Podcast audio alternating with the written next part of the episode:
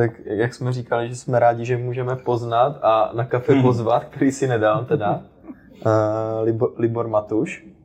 Uh, Libor je vlastně, se zabývá chladovou terapií, je to tak? Je to tak? Uh, dechový cvičení, biohacking, spolupracuje s Jirkou Procházkou, mm. uh, bývalý i tlumočník čínštiny, čeho se taky dotkneme, tak děkujeme, že jsi tady za náma dorazil. Děkujeme, Libore. na mé straně. Mm. Vlastně my jsme vůbec chtěli začít tím, tím Jirkou, protože to je teď hmm. Jirka Procházka, UFC šampion. Uh, já jsem vlastně, nebo ty jsi někde říkal, že jste se známili na nějakém veletrhu.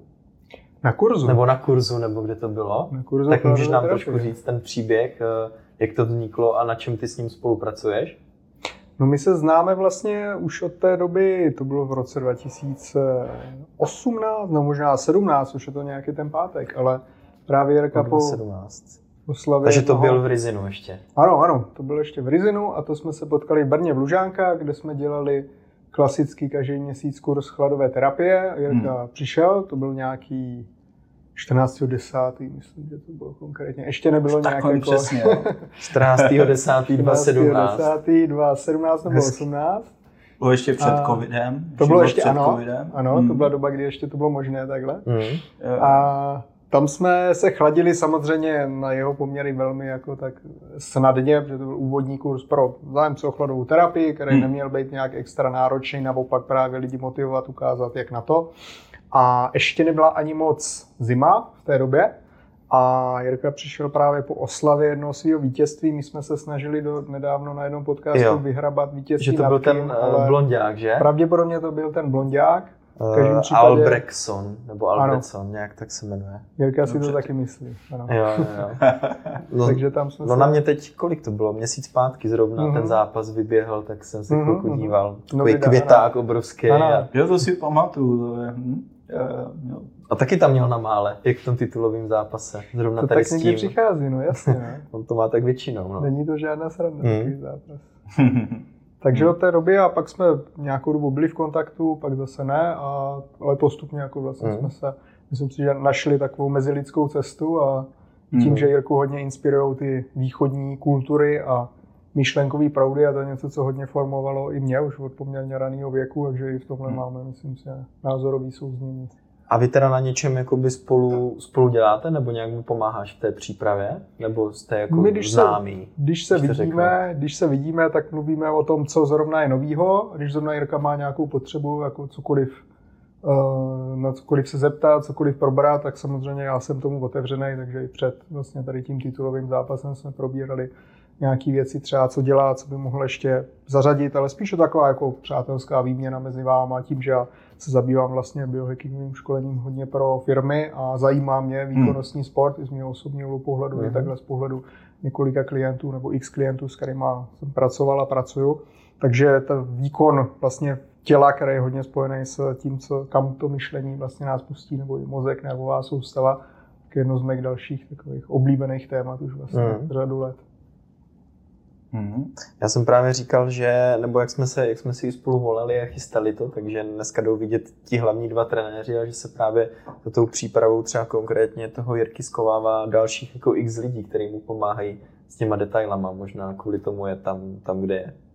Ona určitě je důležitá ta specializace vždycky na nějaký ten daný rámec, ale samozřejmě bojovník musí v první řadě bojovat, takže tam je neocenitelná ta hmm. technická, strategická jako celková pomoc Jirkových hlavních trenérů, protože i Martin Karavanov, jeho vězák, tak jsou hodně, hmm. hodně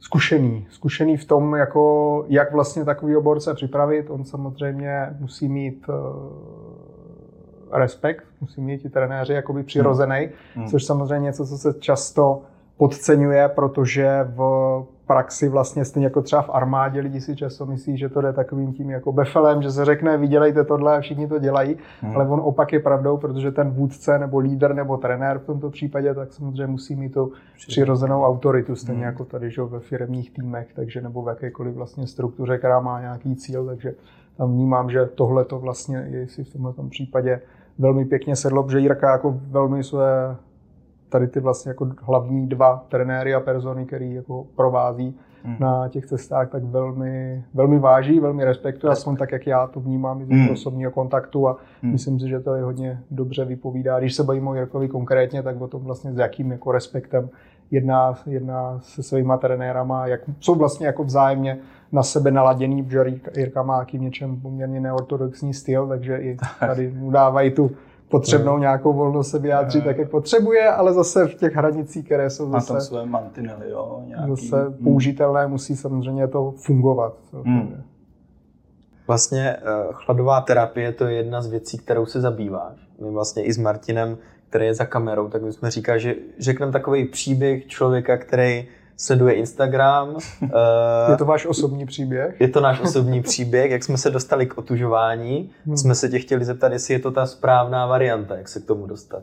No tak jo? schválně, jak se nám to černobíle vyvine. Kolik to bylo? Dva a půl roku zpátky, samozřejmě na Instagramu všichni, že se otužují. Hmm. Tak my tak to zkusíme taky. Uh, tak uh, jsme si našli nějakýho Winhofa, jak se prostě rozdýchat. Říkali jsme, tak vlíz tam jenom tak uh, asi ne tak jsme si našli, že jsme si snad 20krát po sobě jakoby hluboký nádech, chvilku vydržet a hluboký výdech. To bylo 20krát dokola, aby jsme se uh, trošku zahřáli a začali jsme, myslím, v září nebo v říjnu, pokud se nemýlím. A tak jsme jako šli od té studenější vody až snad do února, že jsme si to prošli i tou zimou, i když tam byl led a potom jsme uh, vlastně pak už nám to moc nic nedělalo, když už, když už pak, uh, co to byl nějaký březen nebo něco takového. No tak eh, podle mě takových lidí bylo třeba 90%, co prostě viděli na Instagramu zkusit si to, takže jsme vzali kulichy, jak všichni byli, teď ruce nahoru, jo. co jsem se dočetl, jo. že je taky špatně, když si neponoříš ruky. Tak zkrátka takových lidí je spousta, tak eh, jaký je ten správný postup, když se chce někdo začít otužovat, tak eh, nebo jestli ten náš byl správný. No, základ vlastně toho, řekněme, zdravého pozitivního Jinak Bernie, ty se otužoval? Já jsem se otužoval, dokonce hmm. jsem měl to štěstí, že jsem tak napůl proškolen, protože jsem si nechal od Patrika Legianga, jeho kamarád, eh, na Slovensku školí, takže jsem měl tu možnost být školen, ale než jsme došli jakoby do zimy, kdy jsem měl začít venku, tak, tak jsem skončil se školením, takže jsem začal, dá se říct, prchou a, a pak jako občasně, že jsem se otužoval, ve smyslu těch pravidel, který si myslím jen tak na čtvrtinu, ale určitě se těším, co nám tady řekne Libor mm. k tomu. No v tomhle případě si myslím, že základ je postupnost. Od, od, odložit to ego na břeh, nebo zavřít to v koupelně, nebo polít to studenou vodou, něco takového, protože vlastně v tom hlavním hypeu otužileckým, který byl vidět na, na Facebooku, na Instagramu. Tam nás to chytlo taky, no. Říkám, když už to tam je, tak musíme Když už to taky. tam všichni dělají. Jo, jo, jo. Tak vlastně vedli, a většinou to byli muži, ať už věku jakýhokoliv mladšího nebo staršího, ale takový ti, kteří jako chtějí ukazovat ty výkony, že jo, a fotit ty výkony na Instagram. A, a já bych ještě jenom řekl, že my jsme byli třeba cvičit a pak jsme se šli otužovat. Mm-hmm. Ještě k tomu dodám, jestli je to teda správně mm-hmm. nebo není. Jsme třeba byli v posilovně nebo i na venkovním uh, workoutu a pak jsme mm. šli se otužovat. Dostaneme se k tomu. Jo? To je spíš takový Dobrý reggae, by jsem nazval. Nebo... No já jsem naopak zase slyšel, že to je zátěž, jakoby i to cvičení pro tělo a i potom je zátěž to otužování. Ale nebudem ti už Nechme toho... se překvapit, těšíme se. Uvidíme, kam to všechno dospěje. No, v praxi je hodně důležitý postupný, pozvolný hmm. jako nárůst náročnosti toho otužování. Takže pokud hnedka jako někam skočíme do chladné vody, pro spoustu jako lidí je to v pořádku, ale je potřeba jednak mít dostatečné rozestupy mezi těma tréninkama a jednak dát tělu možnost se zotavit, protože ano, určitě chladová terapie je náročná pro tělo, poměrně dost, až si to lidé často neuvědomují, protože máme takový ten pozitivní, že jo, endorfinový rush. Jo, je ti dobře, no, říká, potom. je ti dobře. To neznamená, že to není velmi nákladný vlastně na naší energii. To tvorba tepla, vlastně dokáže zrychlit metabolismus dvojnásobně, trojnásobně. Jsou případy, kdy třeba působení chladu, když se dlouho třeba na minusové teplotě venku, což my jsme třeba při výstupech na sněžku 2 až 3 hodiny nebo 2,5 až 3,5 hodiny, tak tam se metabolismus může zrychlit čtyřnásobně nebo až pětinásobně. Na to nemálo studií. Když si hmm. vezmete, že pětkrát rychleji spalujete v tom nejextrémnějším případě, tak, Tak to to je, bychom potřebovali, bychom spalovali. jednak je to dobrá kůra, určitě potenciálně na, na hubnutí, samozřejmě tam x dalších eh, faktorů, který se musí udržet. Ale v takhle intenzivním vlastně výdeji energie, tak samozřejmě člověk pak to cítí, jako je unaven, Hmm. potřebuje víc odpočívat, takže když si eh, nasekám zaneprázdněný kalendář plný schůzek a ještě třeba do toho právě chodím do gymu nebo praktikuju třeba sauny, další Hmm. formy cvičení, které Hmm. zase chtějí nějakou energii navíc, Hmm. tak se může stát, a to se stalo už mnoha lidem mnohokrát, že prostě ta energie dojde a najednou v půlce dne potřebuju spát a znám najednou obchodního zástupce neboli zaneprázdněného člověka s tahem na Hmm. branku, který prostě zjistil, že ve dvě nebo ve tři hodiny odpoledne, ačkoliv má kalendář plný až, plný až do večera, tak vlastně nemůže dál a musí si jít lehnout a prospít třeba i několik hodin Hmm. vlastně té energie. Hmm. Naložil si toho moc v tomhle tom a Hmm. On je takové jako překvapivé, ne, není tam vlastně moc jako signálu dopředu, prostě najednou zjistíte, wow, jsem asi přečerpaný. Hmm. A už vám to vůbec třeba nemyslí. Že proto ta postupnost je velmi, velmi důležitá, až klíčová a každý smysluplný do trénink jako silový, kondiční, tak vlastně Hmm. o tom pomalu, postupně do té rutiny najet, naučit se ty cviky dobře, naučit se je tak, aby mě to nebralo, tu energii nadměrně v nějakém úhlu a přidávat velmi pozvolná postupně, protože zničit se nějakým tréninkem, ať už je to otužování nebo silový kondiční trénink, je velmi, velmi jednoduchý. Hmm, to je. Hmm. Bohužel většina lidí vlastně nemá zatím ještě, myslím si, právě ty správné zvyky, který nás chrání tady od těch negativních Hmm. vlivů špatně používaného de facto cvičení, který je jinak skvělý. Takže když to tělo zruším v gymu, potom ho zruším ještě v té, v té vodě, tak pak může nastat... Že jdeš spát. ta, Může nastat, nastat ale celý Šest. týden. Šest večer. 6 večer, ano, to se jako taky stává, Hmm. když té energie opravdu ubyde hodně. Hmm. Věc je ta, že pokud máte, pánové, trénink zaměřený na hypertrofii, neboli maximální nárůst svalu, nebo na maximální sílu, Což my chceme. což vy chcete, mít velký svaly a být vidět, tak to je něco, čemu chladná voda nepomáhá hned po tréninku. A jsou různý, slyšel jsem různý verze vlastně, někdo říká hodinu, někdo dvě, někdo dokonce čtyři, Hmm. ale že určitou časovou dobu po tréninku vlastně ta Hmm. velká dávka studené vody nemá pozitivní účinek, naopak vám jakoby smázne Jo. některý vlivy Takže já ty svaly rozbiju, pak jdu do té studené vody a tím je... Ono totiž k tomu, ty si to řekl dobře, ty je rozbiješ. Pokud chceš, ten, aby ten sval rostl, tak Mhm. mm-hmm. sval potřebuje intenzivní stimulaci, mm-hmm. námahu, která ho vlastně trochu poničí na té mikroúrovni. Vznikne tam zánětlivá reakce, která je velmi důležitá pro tu adaptaci, protože to je ten vnitřní Hmm. stres, který pomáhá té tkáni se adaptovat, Hmm. což se děje v průběhu té regenerace. Hmm. Jenže my, tím, že skočíme do ledové vody, tak ledová voda je velmi intenzivní tlumič zánětlivých reakcí všech. I těch negativních, ale i těch pozitivních, o kterých se bavíme v tomto případě. Takže pak ta tréninková odezva není Hmm. taková, Jo. jako by Hmm. mohla být. Hmm. Hmm. Což je sice špatná zpráva pro všechny, kteří to dělají takhle, Hmm. ale je zase dobrý to vědět. Že to ví. Ano. Díky tobě teďka. Takže začít otužovat postupně uh, nějakou teda tou sprchou a potom... Například potom. sprchou nebo částečným podorem, klidně v té ledové vodě venku, Mhm. ale to, co si pomenoval, Kubo, tak vlastně dávat ruky ven, tak není dobrá strategie, nebo Tak všichni dvakrát, byli na třikrát- Instagramu ruce ven, tak Ano, jsme měli ano. taky, že?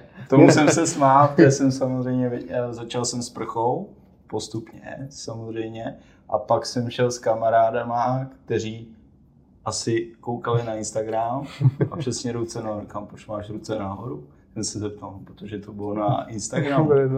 Ano, náš učitel Instagram, Ano, ano, ano. co se urodilo. Na... Samozřejmě z Instagramu se dají naučit věci, ale záleží z jakého účtu a Mhm. odkud, a, jako odkud ty informace přichází. Ono to je v tom, že vlastně ruce jsou samozřejmě citlivý a jedna z nejcitlivějších částí, která mrzne jako první. Hmm. A proto právě v- třeba v tom mém systému, který po, jako popisuji v té knize o chladové terapii, Mhm. tak vlastně je potřeba je otužovat víc než ten zbytek těla. Hmm. To znamená, já to třeba prohazuju a říkám, začněte tím, že si dáváte ruce, Jo. případně nohy nebo Hmm. obličej do ledové vody v kyblíku. Že led do kyblíku, máte tam fakt hodně Jo. studený substrát, na který se ale rychle přizpůsobíme, když to dělám pár dní, každý den třeba ráno, nebo Hmm. obden, podle toho už jak jaká je ta situace, tak vlastně ty končetiny si velmi pěkně zvyknou a když jdete pak do ledové vody i venku, Hmm. tak vám je na ně mnohem později zima, to znamená vydržíte celý, že Jo. málo kdo z vody vyběhne kvůli tomu, že je mu zima na, na prsa nebo Mm. na podbříšek, Mm. že a to Mm. můžu, to se nestává. Takže ty Mm. končetiny doopravdy jsou klíč a uh,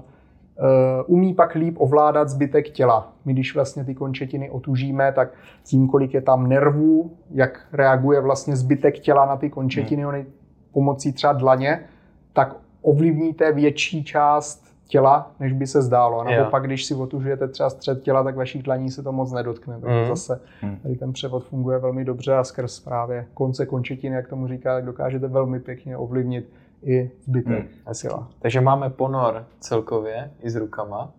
A jak s rozdýcháním?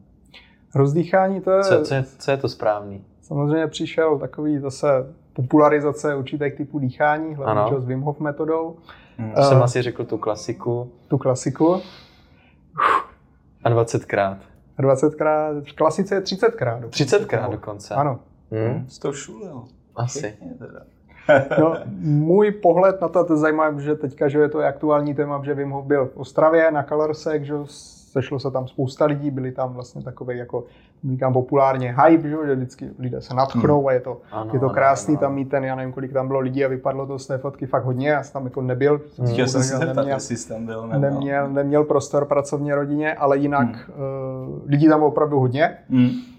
A Wim Hof dýchání je hodně populární, ale má, my jsme s kolegyní Veronikou vlastně kdysi udělali video, které se jmenuje Rizika Wim Hof metody celkově, mm-hmm. kde Mhm. jsme zhrnuli tu, řekněme, stínější stránku toho, když se něco nadužívá. Ono je to jako s tím silovým konečným tréninkem, když si nedám bacha, prostě pořád jenom buším, neznám cykly odpočinku toho, jak vlastně Hmm. tu zátěž jenom zvyšovat, ale pak snižovat, dopřát tělu vlastně tu i dlouhodobější regeneraci, tak to může být průšvih, jako u jakýchkoliv formy tréninku. Takže Mhm. konkrétně i tenhle ten typ dýchání, já jsem to testoval hodněkrát s různýma lidma na sobě, s různýma skupinama.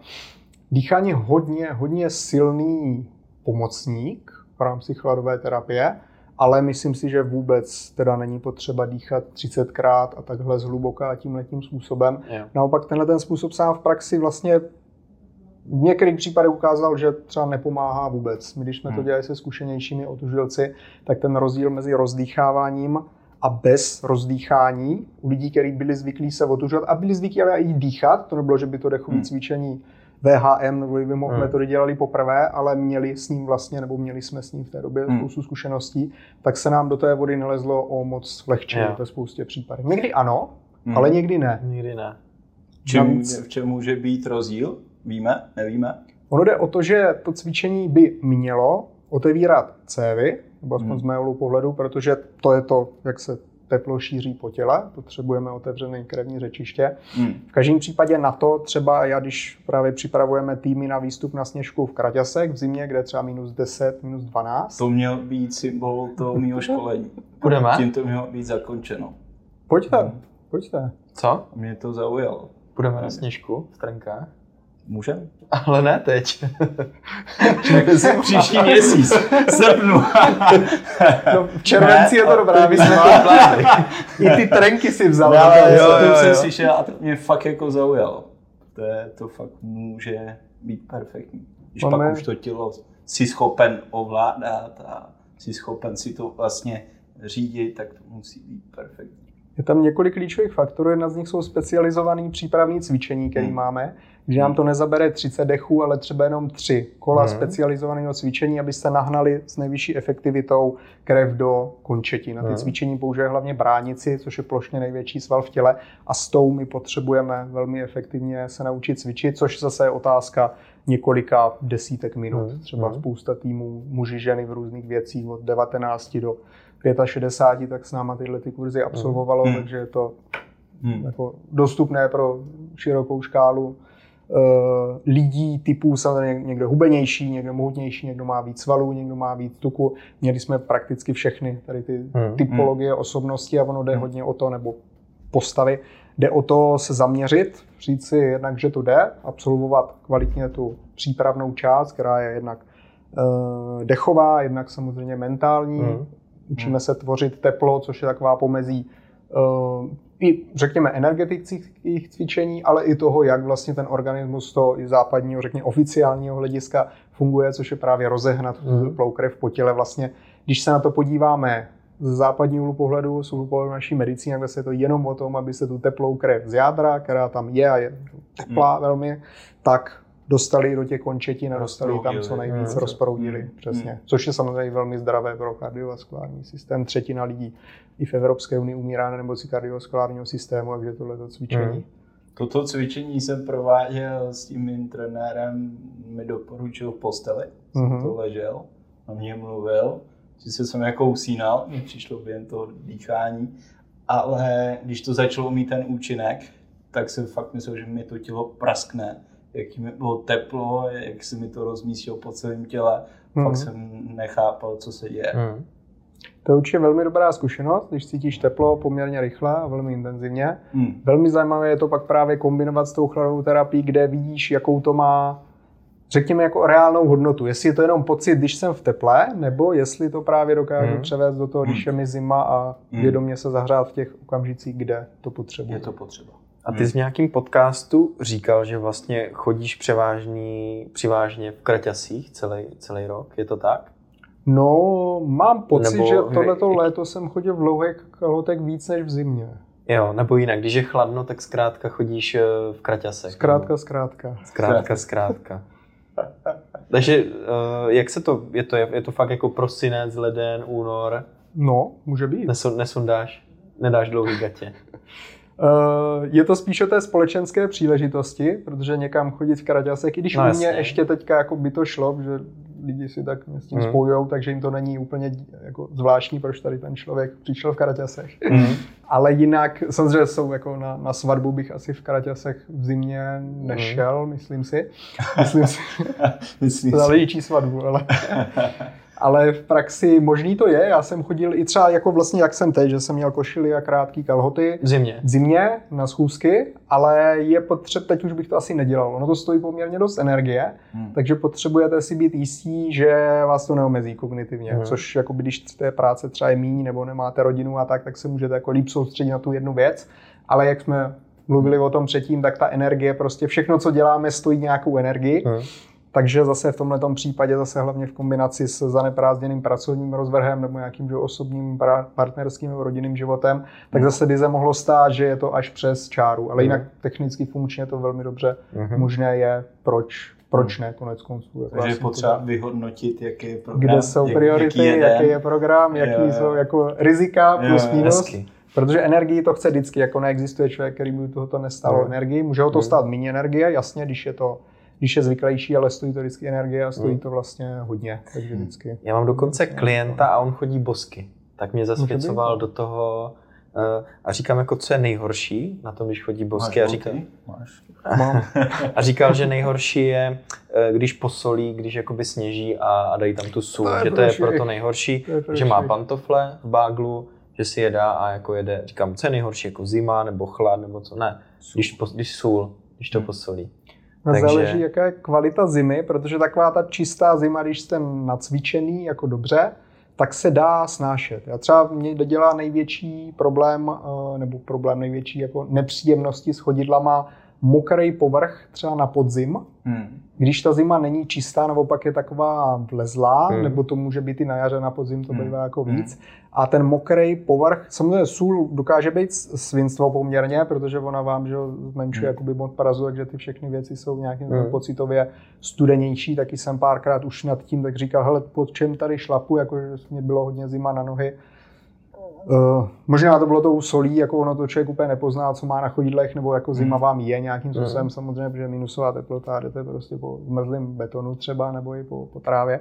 Ale nejvíc uh, mě vyškolila mokrá tráva, která vlastně ty mokré chodidla mm. zanechává v tom stavu, který je mnohem zranitelnější, protože všechno mokrý Známe třeba z výstupu na sněžku, že špatný nápad je otírat ze sebe sníh. Když jste posněžený celý, tak to tam nechte, že to hmm. konec konců vytváří takovou tepelnou vrstvu. Izolaci. Já hmm. jsem udělal kdysi tu chybu, že vidím, že mám paži celou zasněženou, tak jsem si ji takhle otřel, tak jsem, aha, pochopil, že to byl špatný nápad, jo. že xkrát víc je mám najednou zima, že? protože hmm. tím modkrým povrchem odchází hmm. mnohem víc tepla.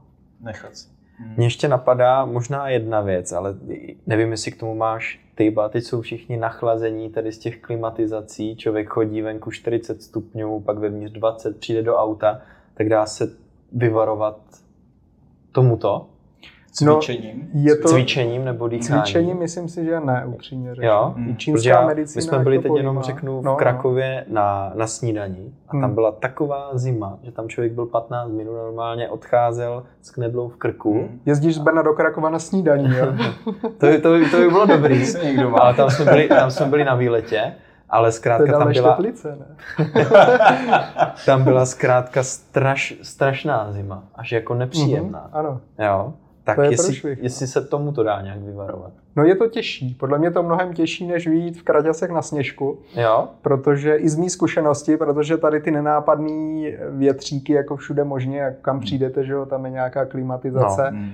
Určitě největší průšvih je to rapidní měnění teplot, že vlastně jdete prostě 15 minut v 35. Tak podle mě Pak teď jsme v tom někde- období, kdy jsou ty největší rozdíly. Kdy máš Tak. fakt venku Jsou, 40 jsou, když ti někdo a- vychladí na no. 15 stupňů místnost, tak což jako je fajn, svěží pocit, ale pak přesně říkáš, po čtvrt hodině Hmm. najednou knedlík a už, už je to jako horší. Hmm. Tam jako mě osobně pomáhá vědět, co s tím, protože když už se mi to stane a já naštěstí třeba pracuji z domu, takže vlastně ani nemám takové ty klasické jako spory o to, jak má být v kanceláři a tak, kde často, že?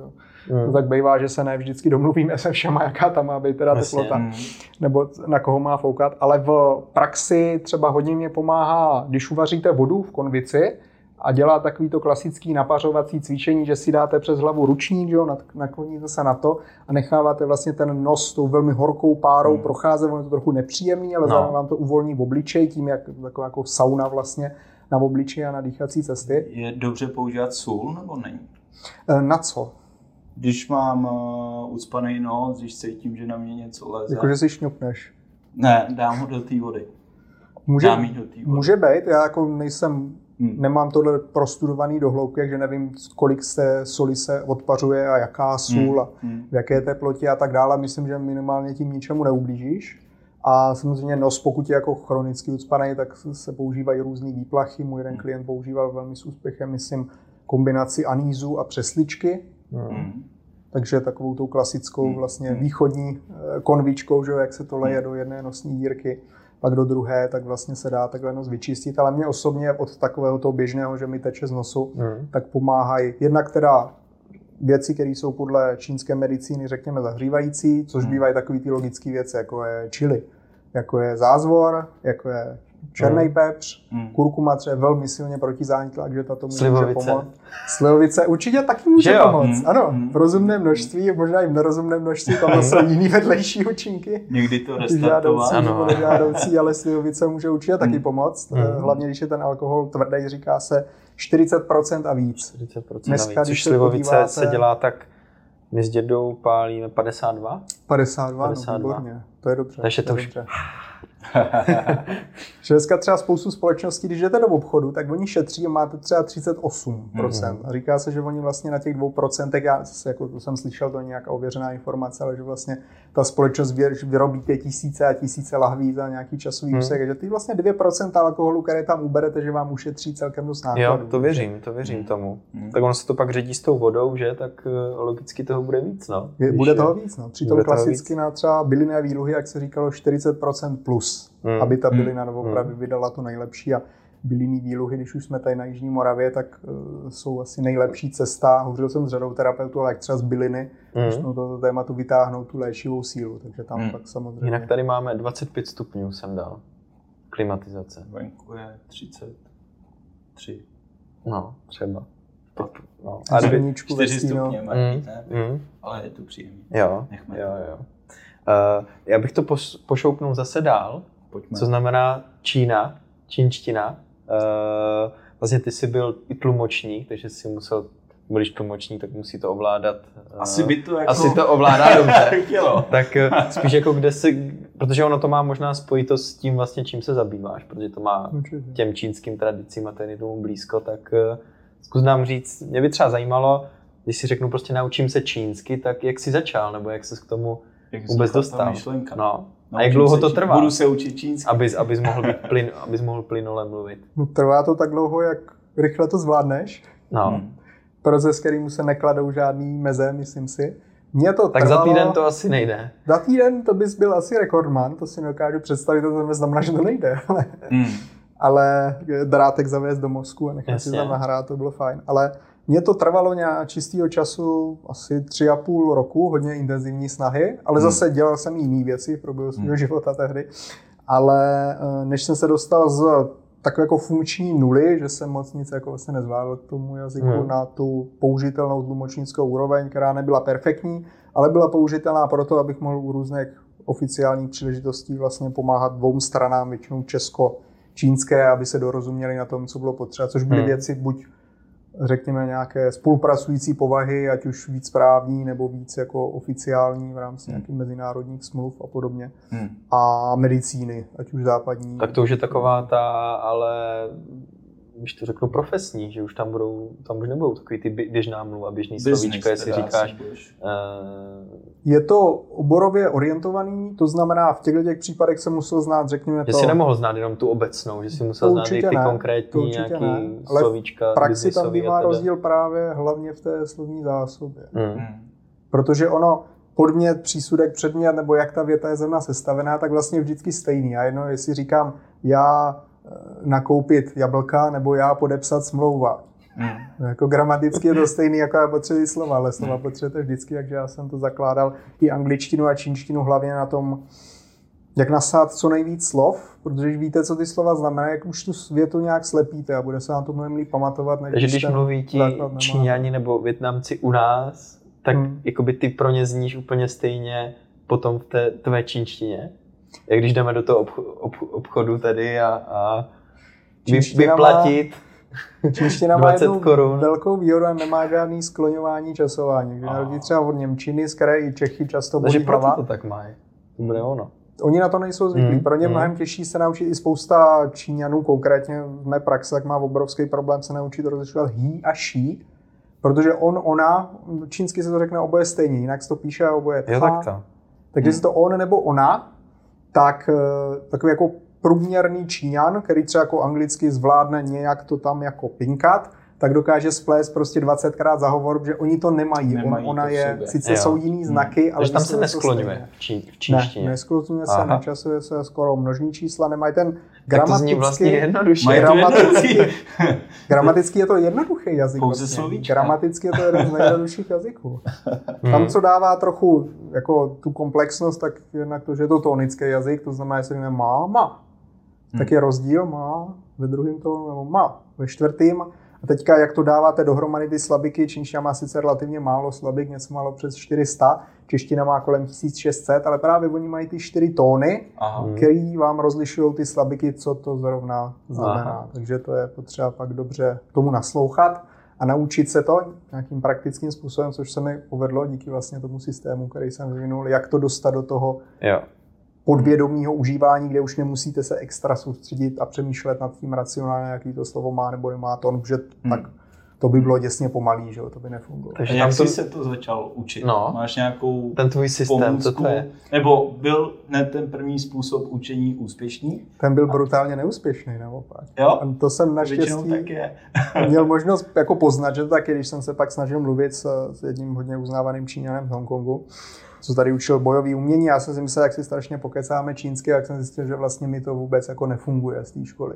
Jo. Tak jsem se doma zavřel k internetu a říkám si, jako, co s tím budu dělat. Ne? Že jsem byl rozhodnutý, Hmm. že to jako chci průbnout, že chci jako hovořit čínsky a že mi to vlastně teďka jako ukázalo, že jsem tak jako na té startovní čáře po roce studia na univerzitě. Jak jsem si říkal, to úplně není ten, jako Hmm. tam, kde bych chtěl být, ať už to bylo jakýmakoliv faktorama, tak jsem hledal prostě, jak to zlepšit. A to se mi povedlo vlastně relativně rychle, protože základní premisy jsou, když chcete mluvit, tak se učte spíš ušima než očima. Spousta lidí čte, ale čtení vám s mluveným jazykem prakticky nepomůže. Hmm. Hmm. Takže jsem začal hodně poslouchat podcasty, mluvený slovo, nahrávky k učebnicím. Čínštině. Teď tě zastavím, hned mě napadlo, co ti to říká, jako když to poslouchal.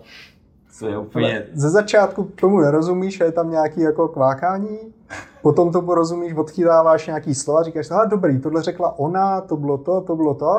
A takhle se to postupně nabaluje, protože samozřejmě po roce studia už jsem jako znal x Něco set slov pravděpodobně. Nejenom slabik, ale slov, protože čínština používá hlavně takový plnovýznamový, dejme tomu, slabiky, Mm. z kterých ty slova skládá tak, takže to je velmi vlastně logický jazyk, struktura. Mm. Je to hodně zajímavý trénink i právě na paměť nebo na uh, určitý způsoby jako strukturovaného myšlení, protože tím, že ještě používá ty znaky, ty znaky taky mluví, oni mají různou skladbu a tak, že to je super kognitivní trénink a to se tím kdysi zabývali jako vloženě čínskýma znakama jako způsob tréninku mozku pro Hmm. zaneprázdněné lidi, že to zlepšuje kognitivní dovednosti výrazně, myslím si. Ale v praxi vlastně učit se ušima, Hmm. poslouchat to, opakovat si to, mít na tom tu dělou pozornost a dělat to často. Ono se to nedá úplně, jako jak se říká, Já občůrat. vím, že jsi někde říkal dvě hodiny denně snad? Plus že? minus hodinu No. a půl až dvě hodiny, Hmm. aspoň tak pětkrát týdně, tak jsem tím trávil čistého času. A určitě mě to nebavilo po každé, Ne? ale prostě jsem řekl, hele, tohle to budu dělat, tak to dělám. A bez tohle Jo. jako silného rozhodnutí, tak by to nešlo. Je to o tom, co tomu chcete obětovat, Hmm. protože jsem jsem musel obětovat spoustu párty, setkání, kamarádů. A doma v těch sluchátkách. Musím dneska nejdu, budu poslouchat čínštinu. No je to tak Ne? prostě, Jo. ten den má 24 hodin a ty priority někde jsou. Tak. že? Hmm. A někdo třeba tři roky že jo, chodí okolo a říká, já se chci naučit čínsky, ale pak jde do té hospody. Že jo? Jako je to No jasně, no. v pohodě, však jděte, každý jdeme kam Jo. chceme, ale řekněme si upřímně, co jsou vlastně ty priority Hmm, a co jsme ochotní Hmm. obětovat. A myslíš si, že k tomu, co děláš, tím, že dneska se zabýváš tou chladovou terapií, dýcháním, že ti třeba ta čínština pomohla, že jsi dostal třeba k informacím, kterým by se normálně nedostal? Nebo už by byly Hmm. třeba pouškovaný třeba trošku jinak?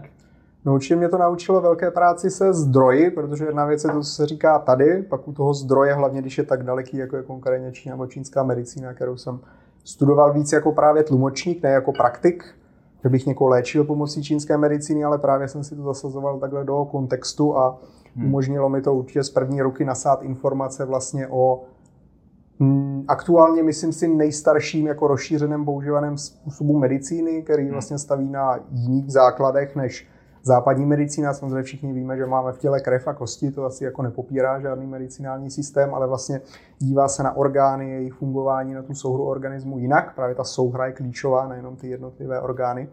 A spojit si to i s tím, jak nad tím Číňani uvažují, jak vůbec to proniká do jejich běžného jazyka. Hmm. Hmm. Jako když máte třeba, nevím, jestli mě napadne v rychlosti nějaký český překlad, jo, když je něčeho jako šafránu, jo, se říká, Hmm. to je tady jako šafránu, tak vlastně dneska já už nevím, zase jsme mohli debatovat o tom, jak mladší generace tomu rozumí, ale prostě rozumí tomu, že šafránu je málo, že No je drahý, že jo, dneska když budete chtít koupit nějaký výtažek ze šafránu, tak ta cena asi bude jako spíš vyšší než nižší, Hmm. jasně, je toho málo. Takže ten šafrán nám to už jako ukazuje v nějakém světle, Hmm. a to vlastně oni i tu medicínu mají takhle často v jazyku, Jo. nebo různá vlastně přirovnání, Jo, jo, kdy jo. mysl toho člověka už vlastně tím jazykem je nějakým způsobem formovaná. A díky tomu, že jsem to měl možnost a mám možnost takhle vidět eh, z první ruky, tak mi to hodně pomohlo Mhm. přemýšlet na různými věcmi. Takže to není jenom o tom, jako orgány, jak přesně třeba funguje čínská medicína, kde jsou jaké meridiány, což samozřejmě pro mě velmi užitečné eh, vědět. Třeba když cítíte, že se chcete někde podpořit, tak se to dá takhle udělat vlastně relativně eh, jednoduše, což jsem viděl jako v té čínské medicínské praxi hodně, jak vlastně jednoduše Mhm. se dokáží řešit věci, které tady u nás jsou prakticky neřešitelný problém, Hmm. ale i to, jak nebo to, co mi to přineslo kromě tohohle, tak je způsob přemýšlení vlastně nad věcma, takový myšlení jako Hmm. mimo rámec, jít víc ke koření, ne, neomezovat se, no snažit se, což se mi nejde Hmm. úplně, ale neomezovat se tím kulturním rámcem nebo tím myšlením, které nám eh, nastaví nějaká Ještě skupina lidí, ať už je to Hmm. kultura, že jo, nebo kolegové, Hmm. nějaký jako Hmm. společenský Hmm. Mohl bys nám říct něco čínsky? Že třeba zdravíš diváky sportovní kavárny. Sportovní kavárny. To, to musí zaznít. To je takový, překlad, Sportovní to je takový překladatelský oříšek. A poslujíčku, sportovní. ano. No třeba sportovní stadion je Tchí Kuan, že Tchí je nějaká jako physical education, Hmm. kavárna může být ten už jak Chafej Kuan, Kuan je nějaké Hmm. veřejné místo, Chafej je kavárna, To je to. nebo káva teda, káva Hmm. místo, To bychom taky kavárna. Hmm. Takže já bych řekl Tchí Chafej Guan, Hmm. Vítat je, můžete říct Huanin, když třeba vítáte lidi právě v restauraci, někam přijdou, že jo, tak se říká i taková čtyřslabičná fráze Huanin Guanglin, jako vítejte u nás, což je fráze, která se víc používá, když někdo přichází fyzicky, například Jo. restaurace, kdy tady nám to trochu implikuje, zveme Ano. že lidi Mm, do ano. vaší virtuální, ale sportovní kavárny, takže bychom klidně mohli říkat Juan, Huanin Tatia, vítáme všechny, Lai, přicházet, Woman T, což je naše, a Chi Ka Fei Kuan. Krása. Krásně. Ti dám za domácí úkol. Do příště. ano, ano. Oslovíme další trh. Přesně tak. se učit. To by byl dobrý trh, kdyby nás poslouchali v To Číně. by vás těch, poslouchalo těch je hodně. potenciálně hodně lidí. Ano. těch je hodně. Máme dělat překlady Ano, ano, ano. s výborem. A... Jsme rozjeli podcast v Číně. No, no, no. Sportovní téma, témata jsou v Číně populární. I to Mm, jako mm. zájem o zdravý životní styl, řekněme, teďka Mm. začívá, myslím si, takový Hezky, hezky. Boom. Poté, Eh. co jsme tam zavedli McDonaldy a trochu to Jo. pokazili. Hmm. Jsem rád, že jsme mohli zas trošku i úplně do něčeho jiného nakouknout. Tak Eh, to. My vlastně máme další, a to jsme si, nebo já když jsem se tě zeptal, o čem by se chtěl bavit, nebo co by mohlo být, eh, nebo co jsi třeba úplně nezmiňoval v jiných podcastech, tak to byly zánětlivé reakce v těle. Hm. Já si myslím, že jsem krásný příklad toho, když jsem se v pátek probudil, tak eh, mě řekli, že mám zánět spojivek, což jsem nikdy s očima problém neměl. Teď už vypadám Hezky. líp, Hezky. ale je to furt bída a v pátek jsem byl, někdy bych byl z té Číny, takže... Takový sebekritický ke svému zjevu, ale ta fotka, co si ukazoval, tak ta byla intenzivní. Ta byla intenzivní. To Eh, vypadalo, jako kdyby vylez s ringu s Jiřím Ano, ano. Buď s Jirkou, anebo z čelího úlu možná. Druhá možnost. Uh, tak zkus to trošku rozvíst, ty zánětlivý, uh, jak se Mhm. to tvoří v tom těle a co třeba proti tomu je dobrý, tak uh, pojďme trošku. Že tohle je téma, který je vlastně pro současnou medicínu a zdraví jedno, myslím si, dokonce z klíčových. Hmm. A to je to, oni existují dva typy zánětů. Jeden z nich je akutní, druhý je chronický. Že to Hmm. jsi měl, ty Kubo, byl Kerry. To by byl asi akutní. To Doufám, že to chronický nebude. že se Doufáš, doufáš. Doufejme v to, Ano, ano, tomu ano. věříme. Ano, to je taková ta ak- ak- akutní reakce těla, která Hmm. musí řešit, vyřešit nějaký náhlý problém. No jo, jenže pak se dějou věci, vlastně, které nejsou náhlý a akutní a dějou se roky nebo i desítky let. A to je, Hmm. ano, Hmm. aktuálně třeba stresový prostředí, stres není jenom nějak jako mantra, že dneska se tam často mluví a všichni máme stres a bla, bla, bla. Ono tak je. My máme Hmm. vlastně i díky komunikačním technologiím, kde se vyžadují rychlé reakce, že jo, komunikujete pravdě na pěti různých minimálně komunikačních kanálech, vyžaduje se pořád něco, pozornost, že jo, když zajde slunce, tak i tak vám někdo může zavolat a tak dále. To dřív nebylo, což zní jako nějaký babičkovský komentář, Hmm. ale opravdu to tak dřív nebylo. Hmm. A e, lidé před 150 lety třeba měli úplně jinou jako realitu vlastně než my. tomhle tom. Hmm. A to ten stres psychologický je taky jenom část, významná, ale jenom část vlastně té, té rovnice, protože my když do toho přičteme environmentální faktory, jako jsou třeba hormony ve vodě, voda vlastně velký přenášeč všeho, se týká Hmm. i energie, ale i těch fyzických substancí, čističky, že když chcete vyčistit vodu pro celé město, tak to není jako stoprocentní, tam se jako odrazí to, co my do té vody Jo, jo. lejeme. To se říká snad i, když ženy používají antikoncepci, ne? Ano, že tam ano. jsou nějaký ty uh, část, Ano. části. No? To může být jeden z důvodů, proč dneska třeba plodnost jde dolů, Hmm. ne, jako nepopiratelně. Vlastně fyzická výkonnost běžného obyvatelstva, jak ty olympijské výkony jdou nahoru, tak ale my běžní lidi, který úplně třeba, jako já sportem žiju poměrně dost, ale ta běžná, ten běžná úroveň Hmm. vlastně a i u aktivních lidí, tak ty výkony třeba už nejsou fyzicky nebo i mentálně tak dobrý, jako byly kdysi. Hmm. Můj kamarád, teďka, co je mu kolem 60, byli jsme na moravském ultramaratonu, běhat prostě x maratonů za, za sebou a on říkal, no víš, jako dřív ty výkony prostě byly lepší, protože ty lidi to nevzdávali. Dneska jako bolí nohy a tak, tak si uberu. Dřív Hmm. tak nebylo. Dřív prostě lidi na sebe byli tvrdší. Já to si nemyslím, že jenom jako tou mentalitou, ale právě i tou hormonální rovnováhou a tím zase je to Hmm. nějaká teorie, ale mně tohle to dává smysl si to takhle jako poskládat, že vlastně tím, jak nás ovlivňuje Hmm. to prostředí, například i hormony Hmm. ve vodě, tak vlastně naši celkovou biologii po ty generace tak dělá míň kvalitnějšími. Hmm. A z toho právě ten náš organismus jako se chce dostat nebo neví úplně co s tím, že on vnímá, že je tady nějaký jako nebezpečí, tak se brání tou zvýšenou mírou zánětu nebo chronické zánětlivosti, což je vlastně přirozená imunitní reakce, která je pozitivní, protože nás chrání, Hmm. Jenže stejně jako to často přirovnávám třeba k policii, že jako máte toho policistu, který by měl přijet, když je nějaký průšvih někde. Jo, zavoláte, nebo někdo ho zavolá, přijede, vyřeší se a odjede. Hmm. Jenže když byste teďka vyšli že jo, tady na, do centra Brna a teďka by každý druhý, koho potkáte, byl policajt, tak se asi nebudeme cítit dobře. To ne. A v průběhu covidu třeba já jsem mnohokrát, nebo tady té poslední doby, tak měl tady ten pocit, že vlastně jsem vydával zvýšenou jako výskyt vlastně ozbrojených složek v ulicích a říkal jsem si, hm, to je zvláštní, co se hmm. tady jako děje. Tady neběhají žádní jako vzbouřenci nebo prostě hmm. žijeme v mírové době, ale stejně, stejně to tak bylo. A i takhle se vlastně ten náš vnitřní organismus může cítit, že najednou všude na chronický zánět, zvýšený zánětlivý reakce, ty bezpečnostní složky, které tam jsou a jsou nepostradatelné, ale jsou tam ve větší množství, než vlastně tomu běžnému obyvateli nebo těm našim tkáním, buňkám je příjemné. A ten zvýšený zánět, vlastně ta zánětlivost je postupně ty tkáně nahlodává, hmm. vlastně urychluje jejich poškozování. A proto třeba dneska už na Wikipedii ve spoustě studiích eh, na různých prestižních portálech tak najdete nové slovo, inflammaging. Inflammaging, když jsme u, těch jazyků. Je to vlastně kombinace dvou anglických slov inflammation, což je ten zánět nebo zánětlivost, zánětné reakce, a aging, jako stárnutí. Že ono vlastně vzniklo nové slovo ve vědecký kruzí, které kombinuje stárnutí a zánětlivost, hmm. protože právě zánětlivost je to, co to stárnutí neboli opotřebovávání buněk akceleruje, zrychluje. Hmm. Hmm. Hmm. A jak teda se tomu vyvarovat? Chladovou terapii. Jsme u toho byli, protože chlad Takže jít za tebou, aby ti nahrávka na smeč. A to nebylo Ano, ano, ano.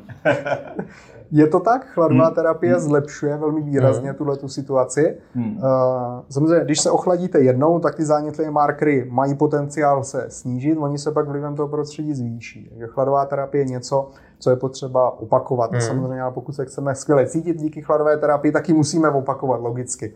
Hmm. Takže i už jenom to, že si dám ruce nohy do ledového kyblíku, tak je dobrý základ. Samozřejmě ledová sprcha, ať už částečná, třeba jenom hmm. zase na ty ruce nohy, nebo celotělová, nebo jenom na určitý části těla může pomoct, určitě, však takový ty, jo, nateklý, viditelně zanícený místa, tak se často radilo chladit hmm. nebo ledovat. Hmm. Nic nového pod sluncem, protože to funguje, je to nějakým způsobem horký, že když na tu část těla sáhnete fyzicky, tak je to horký. To slovo zánět taky evokuje že nějakou hmm. uh, horkou substanci, takže vlastně i ten subklinický zánět si můžeme představit, nebo tu zánětlivost, zánětlivé hmm. reakce, jako nějaký takový ohníčky, eh, který tam planou a my je potřebujeme schladit. Hmm.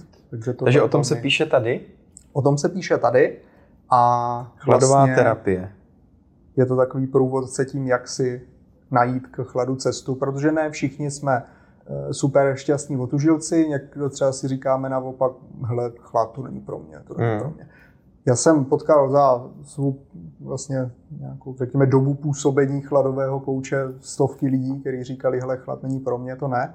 Našli jsme cestu. Našli mm. jsme cestu, protože zase je to o tom chytrém programingu, že zase, když někdo nikdy neběhal, tak se nepřihlásíte na čtyři maratony za sebou, takže začít uběhnout těch prvních 500 metrů kruček po kručku, kruček po kručku kilometr, hmm. když zjistím, že na tom ne, neumírám z toho. Hmm. Když umírám po 500 metrech, tak přece tak nemůžu příští den hnedka, hmm. ano, běžet třikrát tolik, musím snížit, musím hmm. ubrat silový kondiční trénink, dechový cvičení že, a tak dále. Hmm. Takže přesně takhle můžeme přistupovat chladové terapie, najít si tam to, co to, co potřebujeme. Další věc jsou strava, kde můžeme hodně přidat nebo ubrat hmm. do té nálože vlastně zánětlivosti a celkově to bývá, o tom se dneska víc mluví, ale pořád podle mě o tom by se mělo mluvit hmm. mnohem víc.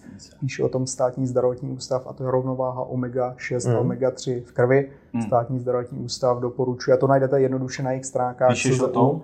Eh, píšu o zánětu hmm. ve vztahu samozřejmě k chladové terapii. Myslím, hmm. že tam zmiňuji i nějaké trochu podloží, jak funguje imunita v tomhle konkrétním hmm. případě.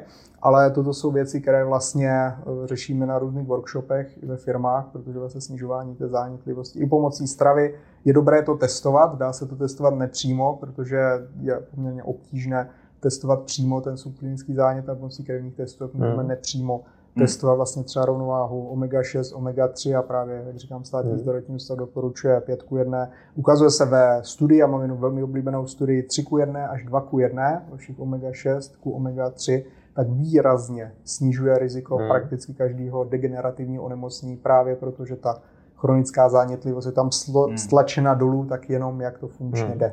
Což dneska bohužel nebývá úplně průměr, lidé mají 20, 30 ku 1, ne 2, 3 ku 1. A když se teda chce někdo o tom dozvědět, tak si koupí tvoji knížku a když bych chtěl s tebou spolupracovat, tak co je dneska ta tvoje hlavní klientela? Je to kdokoliv může dojít, nebo jsou to sportovci, manažeři, kdo to, kdo to je?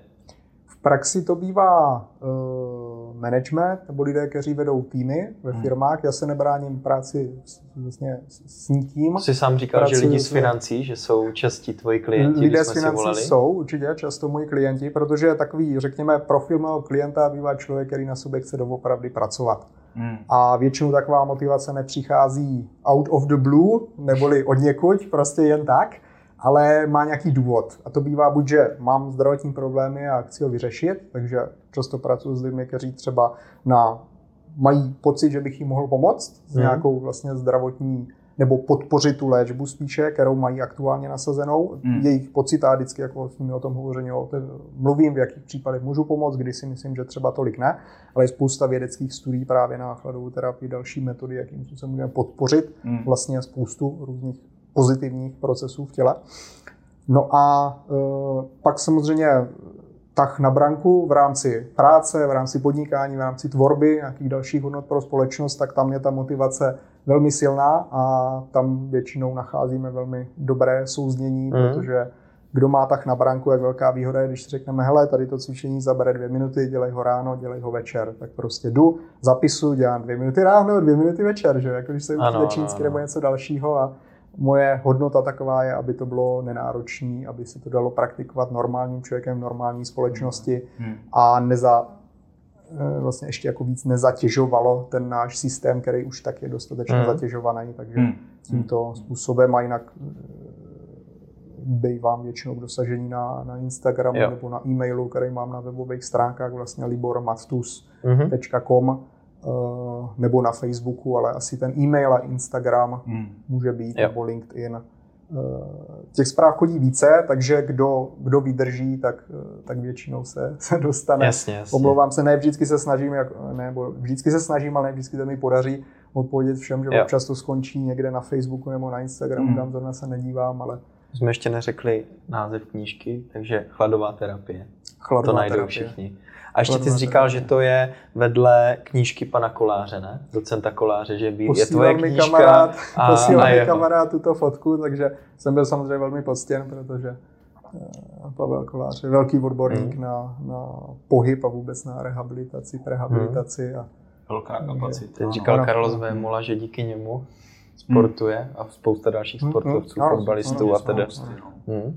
Já mám mimo jiné jeho knihu eh, doma už dlouhou dobu od té doby, co vyšla tu, vlastně myslím si, že je poslední o hmm. odolnosti a posilování uh, stresem. Také je to jedna z mých hmm. oblíbených knih. Je psána poměrně vědecky nebo odborně. Složitějším trošku. Takže hmm. ano, hmm. jsem zatím moc hmm. nepřesvědčil nikoho z mého okolí, že bychom si ji četli spolu, jako přesděláváme jako s různými, Fakt? s různými lidmi. No jasně, že si otevřem třeba, nevím, umění být zdrav a čteme si, že zase Honzi Vojáčka, co, jaký jsou jako jeho zkušenosti, pohledy na svět a děláme Hezky. si takový vlastně jako skupinový čtení. Mm. Já rád třeba nahlas čtu, se mimo jiné v Číně jako dělalo často, že se tich, potichu no, se nic nečetlo. Takže, Takže se střídáte? Střídáme se třeba, anebo to čtu jenom já, protože mně se to líbí a těm tak. ostatním třeba v nás takový jako máme rozdělávací. Bych radši taky poslouchal. Hmm. No, hmm. přesně, a máme Hezky. možnost vlastně hmm. se o tom pobavit. Hmm. Hmm. Tak příště budeš číst ty a budu poslouchat. Jo? My jsme vlastně ještě, ono, ono to trošku bylo spojené, že ty jsi říkal, že to, ta tvoje hlavní klientela jsou lidi, kteří třeba vedou týmy, tak my jsme chtěli se zeptat, jaký třeba vidíš rozdíl v tom vůbec o to starání, když to řeknu o tu fyzičnost eh, ve firmách, třeba oproti u nás a v zahraničí, protože teď už se k tomu západnímu směru uh, Jo, že se třeba dělají ty dřepy, já vím, že jsi hmm. někde říkal, že je dobrý dělat dřepy, no, uh, že jsou takový, že se dá vyspat po obědě, jak se dělají teď takový ty díry do zdí, že tam máme postel, jsem někde četl, tak... Uh, Spánek je taky super. Tak když my jsme oba kluci z kancelářských prostorů, sedíme tam, tak... u kávy, u kávy nebo taky, jak si zpestřit ten den, aby pro, bylo to naše zdraví lepší? Ještě zpestřit jinak než pátou kávou. Ano, ano, ano. Nebo třináctou. Nebo třináctou. Šestou. Držme se při zemi. Ano. Osm stačí a teďka máme šestou. Prakticky to, co jsi vyjmenoval, Kubo, tak určitě jsou jo. věci, s kterými operujeme poměrně často, protože ono to zase není žádná magie, je to návrat k biologické přirozenosti člověka, která pak pomáhá například tomu, aby jsme byli i psychicky v pohodě, hmm. což se za zase dob restrikcí v době covidové za poslední dva roky tak vlastně nedělo a třeba NUC, vlastně Národní ústav duševního zdraví, tak ukazoval, že duševní zdraví zaznamenalo teda hodně velký hmm. průšvih. Hmm. To se nedivím. Jsou Ty lidi s tou košilí za tím stolem, dole nic, možná trenky a v sebevražednost, prostě eh, různý hmm. alkoholismus. Panický, alkoholismus, různý panický poruchy, úzkostní poruchy a tak hmm. dále, hmm. tak šli nahoru dvoj nebo trojnásobně vlastně. Hmm. To nebo procenta, hmm. alebo vlastně takhle nižší hmm. stovky procent. Hmm. To je průšvih a čemu to připsat, no asi se do toho nebudeme pouštět do hloubky, ale je to těma omezeníma, který hmm. nerespektovali to, že člověk je sociální, že člověk potřebuje pohyb, nebo třeba podporu, že potřebuje pozitivní obraz Ale zase mě třeba naopak přišlo, že po stezce, kde nechodil vůbec nikdo, tak dali jako zákaz vycházení a najednou tam bylo lidí. to je cesta, jak motivovat lidi k pohybu. Že prostě, když můžeš jít ven, tak nejdeš, ale jak ti to zakážou, tak, tak prostě... je to atraktivní. Ano, ano, ano. Tuma nechoďte hlavně. a už tam, tam byl takhle to pozorkách ten policajt nebo více těch mm, policajtů mm, mm. a v tu chvíli to zase ovlivňovalo negativně tu Určitě, protože to je strašidelné pro dneska už prostě mm. žijeme v takové době, kdy na to na nás vlastně jako na naší psyché mm. působí. Mm. No, ale aby jsme se vrátili k tomu vlastně biohackingu pro firmy a týmy, ano, je to jednoduché, my máme potřebu se pohybovat. Člověk je tady kvůli pohybu vlastně na světě. Máme silný funkční tělo, člověk se vždycky pohyboval od svého nějakého vzniku, řekněme, nebo od toho, co jsme tady pobíhali ještě ve víc verzích člověka že, v pradávných časech. A bez pohybu, a to se ví dneska v medicíně, tak i psychika chřadne. Není to jenom o tom, že nám chabnou svaly a snižuje se hormonální rovnováha, nebo třeba testosteron jde velmi hmm. radikálně hmm. dolů u mužů, ale i u žen. U mužů i u žen je to pak velký problém, protože člověk například má menší chuť jako vůbec být aktivní, něco vytvářet, máme méně energie hmm. a tak dále. Jenom jediný vlastně tenhle ten hormon ovlivňuje strašně moc v našem hmm. těle Eh, když ho máme málo, tak prostě jednodušší mít víc tuků, méně svalů a být hmm. takový jako, hmm. oh, no tak jako nějak bude a podřídit se všemu a tak chybí tam takový to jako proaktivní, hmm. hele, elán, něco dělat, elán do života, hmm. přesně. Hmm. Takže dlouhým sezením zase, to slovo třeba chronický, že se to opakuje pořád dokola, hmm. jako když sedíme 4 hodiny někde jednou, tak se nic nestane, jo. Když sedím 8 hodin v kuse každý den, každý den to, že pak jdu do Martin je ajťák, tam, Martin je takže, ajťák. takže ten ví asi. Ví svoje. Ale určitě sportuje mezi čase a to je to, že ono třeba ne vždycky stačí jako jít pak do fitka jednou denně nebo jo. jednou týdně, hmm. ale je potřeba právě z mého pohledu jako bez výmluv a bez zbytku se pohybovat i přes den, aspoň jako vstát a chodit, nebo víc schody, hmm. že jo? Každá administrativní budova má ty schody, nemáme tady v centru že jo, města, ať už to hmm. Brno, Praha, nebo hmm. já nevím, Olomouc, tak nemáme administrativní budovy, které mají právě jedno patro. Jako v každé budově hmm. najděte schody, ty se dají výjít tam a zpátky, nepotřebujete nějaký jako crossfitový workout nebo se zničit někde v gymu, hmm. ale to, že pravidelně každou a hodinku, dvě, to je vlastně jedno. Jo. Když máte pauzičku nebo cítíte, hele, teďka bych si potřeboval odpočnout, tak nejenom tím, že otevřu YouTube a koukám na nesmysly nebo na nějaký zábav, zábavný videa, mm. že? nebo na Instagram. Ano, ano. ano. Gram. Jak se otužují lidi Jak se s rukama lidi nahoru. ano, Pak rukama. to všichni opakují. Ano, ano, ano. Ale radši prostě koukat do dálky, vstát, pohybovat se, udělat si pár dřepů. Mm. Dřepy jsou skvělý cvičení, že se v nich trošičku zadýcháte, procvičíte mm. stehna, který se velmi jejich stav souvisí s hormonální rovnováhou. Takže pozitivní věc a jsou to malé vlastně krůčky, které jsou jednoduché. Hmm. Jako to, že si chcete udělat pět dřepů v kanceláři, přece nikomu neublížíte. Sami My jsme se teď s klukama od začátku července, hmm. že každý den děláme 60 kliků. Hmm. A hmm. jako můžu říct, že se cítím líp. Mně to přijde, než se jít jako jednou, dvakrát zbořit do posilovny, hmm. tak to hmm, dělat hmm. každý den.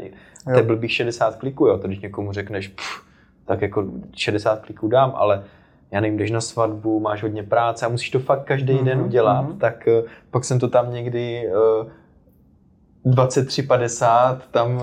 Uh, na svatbě. Ano, ano, ano, jel. Aha. v dobré no, náladě. Ano, v dobré náladě. Tak hmm. nevím, jestli je to to správný, ale A děláš třeba... to naraz, Kubo, nebo děláš to naraz, uh, nebo prostě splnit toto číslo? Je to po 20 až 25 se mm-hmm. to mhm, dělá, takže mm-hmm. to je hmm. zhruba průměr těch 20, 20, 20, no, Mhm. nebo 25, 25, 20. Mhm. Teď jsme si řekli minimálně 60 kliků, kdo už si pak udělá navíc, tak eh, to už je. Tak to je do bonusu. Ano, ano, ano. Já bych doporučil klidně i ty dávky udělat menší, protože i kdyby jich bylo pět, Hmm. tak je to dobrý. Možná bych Hmm. spíš sečetl, když 60 je relativně vlastně vysoké číslo, jo. když se dělá jako super poctivě, jo, se super napnutým jádrem, Ano, ano, jdete ano. dolů, Snažím tam se. chviličku počkáte, pak jdu nahoru, zase tam chviličku počkám, s maximální vlastně svalovou tenzí od špiček až po ty Hmm.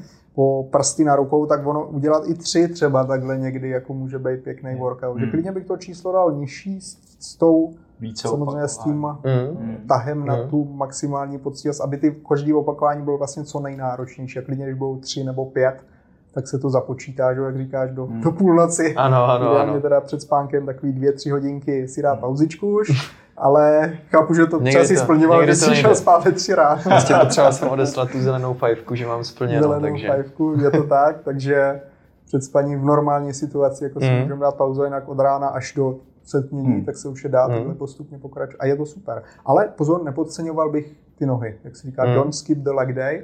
Nohy jsou důležitý, Takže takže dát 20 eh, kliků a do toho třeba 10 dřep. například Ono zase jsou různé formy tréninkové periodizace, můžete si říct, že třeba dohromady chcete udělat 50 Hmm. a děláte třeba 40 dřepů Jo. a 10 kliků. Jo, jo, jo. pak nějakou dobu zase to prohodíte, Mm. aby tam byly oba dva, ale aby vlastně to Jo. bylo pade na pade, aby tam byla Mm. výrazná většina. Mm. Mm. Hmm. Hmm. Už se nám chýlí konec. Zase to Hmm. uběhlo. Uteklo to, jako Tak. vždy. Co ještě na, na závěr? No, mě velmi zaujalo to, že tu jsme kvůli pohybu. Se mi strašně líbilo Mhm. ta věta. To je fakt perfektní. Myslím si, že zajímavý možná titulek. Wow. Protože to spousty lidí To je pravda, neví. no. Jsme tu kvůli pohybu, no. Evolučně určitě ano. Hmm. Jinak bychom měli To kořínky a čerpali Mm. jsme To mě zaujalo. sluneční svíc z nebe, ale Hmm. ano. To je takový, to, když za mnou přijde ten fotbalista teďka v té přípravě a je zničený, a, ale pak se cítí dobře. Že? jo? Ale Hmm. pak se cítí dobře. teďka- A to je přesně, jak jsme se bavili. Já jsem minulý týden říkal, ty mě ten fotbal tak baví, teď zase týden a teď už zase, zase ne. Ale to je prostě, Teď jak si člověk se, se v tom, jo, ale jde o to, když v tom pohybu člověk je, tak ho to vlastně baví, baví víc a A. víc, no, takže, takže, a pak jak z toho vypadne, tak naopak. Hmm. Takže my ti děkujeme, že jsi za náma tady dojel do Brna.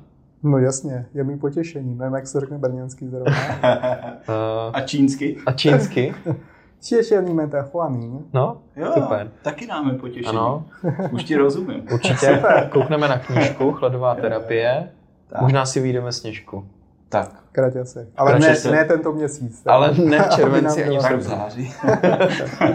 Takže děkujeme, Libore. Děkujeme. Taky děkuji za pozvání určitě.